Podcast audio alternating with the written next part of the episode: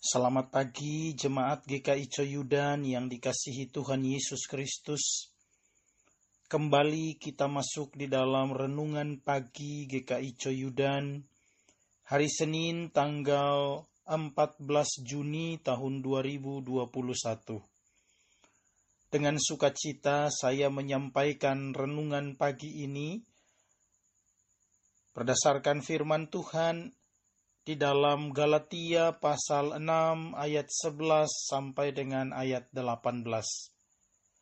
Namun sebelum kita mendengar dan merenungkan firman Tuhan ini, mari kita berdoa memohon bimbingan Roh Kudus. Kita berdoa.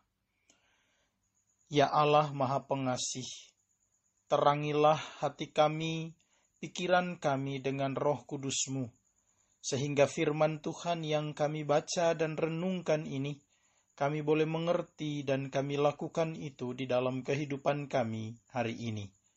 Berfirmanlah ya Allah karena kami telah siap mendengar. Di dalam nama Tuhan Yesus firman yang hidup, kami berdoa. Amin. Galatia pasal 6 ayat 11 sampai dengan ayat 18 firman Tuhan berbunyi Lihatlah bagaimana besarnya huruf-huruf yang kutulis kepadamu dengan tanganku sendiri. Mereka yang secara lahiria suka menonjolkan diri, merekalah yang berusaha memaksa kamu untuk bersunat, hanya dengan maksud supaya mereka tidak dianiaya karena salib Kristus. Sebab mereka yang menyunatkan dirinya pun tidak memelihara hukum Taurat tetapi mereka menghendaki supaya kamu menyunatkan diri agar mereka dapat bermegah atas keadaanmu yang lahiriah. Tetapi aku sekali-kali tidak mau bermegah selain dalam salib Tuhan kita Yesus Kristus, sebab olehnya dunia telah disalibkan bagiku dan aku bagi dunia. Sebab bersunat atau tidak bersunat tidak ada artinya, tetapi menjadi ciptaan baru, itulah yang ada artinya. Dan semua orang yang memberi dirinya dipimpin oleh patokan ini, turunlah kiranya damai sejahtera dan rahmat atas mereka dan atas Israel milik Allah. Selanjutnya, janganlah ada orang yang menyusahkan aku, karena pada tubuhku ada tanda-tanda milik Yesus kasih karunia Tuhan kita Yesus Kristus menyertai roh kamu, saudara-saudara. Amin. Demikianlah firman Tuhan. Haleluya. Bapak Ibu jemaat GKI Coyudan yang dikasihi Tuhan Yesus Kristus, tema renungan kita pagi ini adalah tanda sebagai milik Allah diakui atau tidak, namun faktanya di tengah kehidupan gereja masa kini, masih banyak pemahaman-pemahaman yang kadang membuat keraguan-raguan bagi jemaat.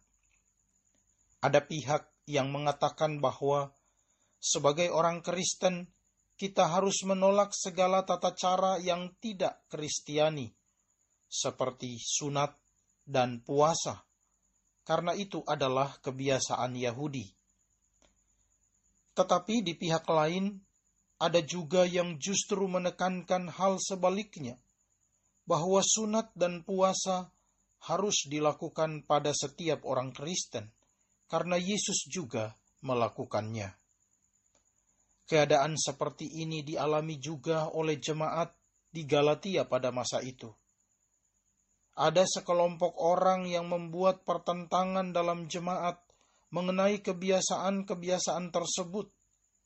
Bisa kita lihat di dalam ayat 12 dan ayat 13. Rasul Paulus, seorang Yahudi, adalah orang yang memelihara tradisi itu dengan baik.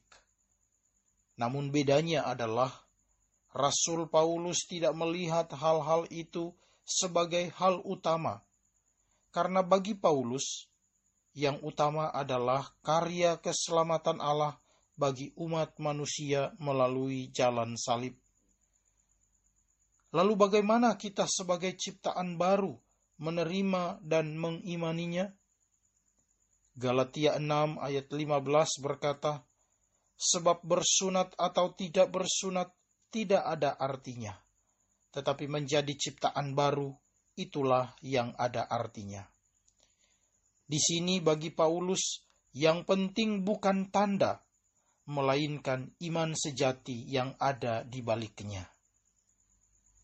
Bapak Ibu jemaat GKI Coyudan yang dikasihi Tuhan Yesus Kristus, terkadang gereja sibuk berdebat membicarakan soal simbol, yaitu berapa ukuran salib yang akan dipasang di atas menara gedung gereja, soal pemberlakuan sunat, puasa, penggunaan anggur asli yang diimpor dari Kana Israel untuk perjamuan kudus Memang diakui bahwa eksistensi iman Kristen perlu diketahui melalui berbagai tanda-tanda yang ada. Tetapi yang lebih perlu dan yang merupakan esensi hidup Kristen adalah cara kehidupan yang diperbarui dan memperbarui sesamanya. Bukan persoalan berapa tanda yang kita miliki sebagai orang Kristen, melainkan bagaimana kita menyatakan hidup kita sebagai orang Kristen melalui pikiran, perkataan, dan tindakan kita yang meneladani Kristus. Karena iman sejati akan mewujud dalam kesaksian hidup yang memberkati orang lain, bukan menampilkan simbol.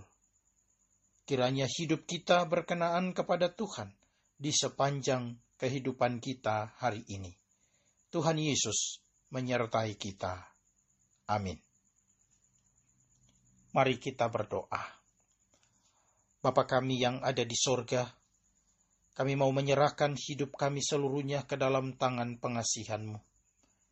Kami berdoa untuk penata layanan gereja kami GKI Coyudan.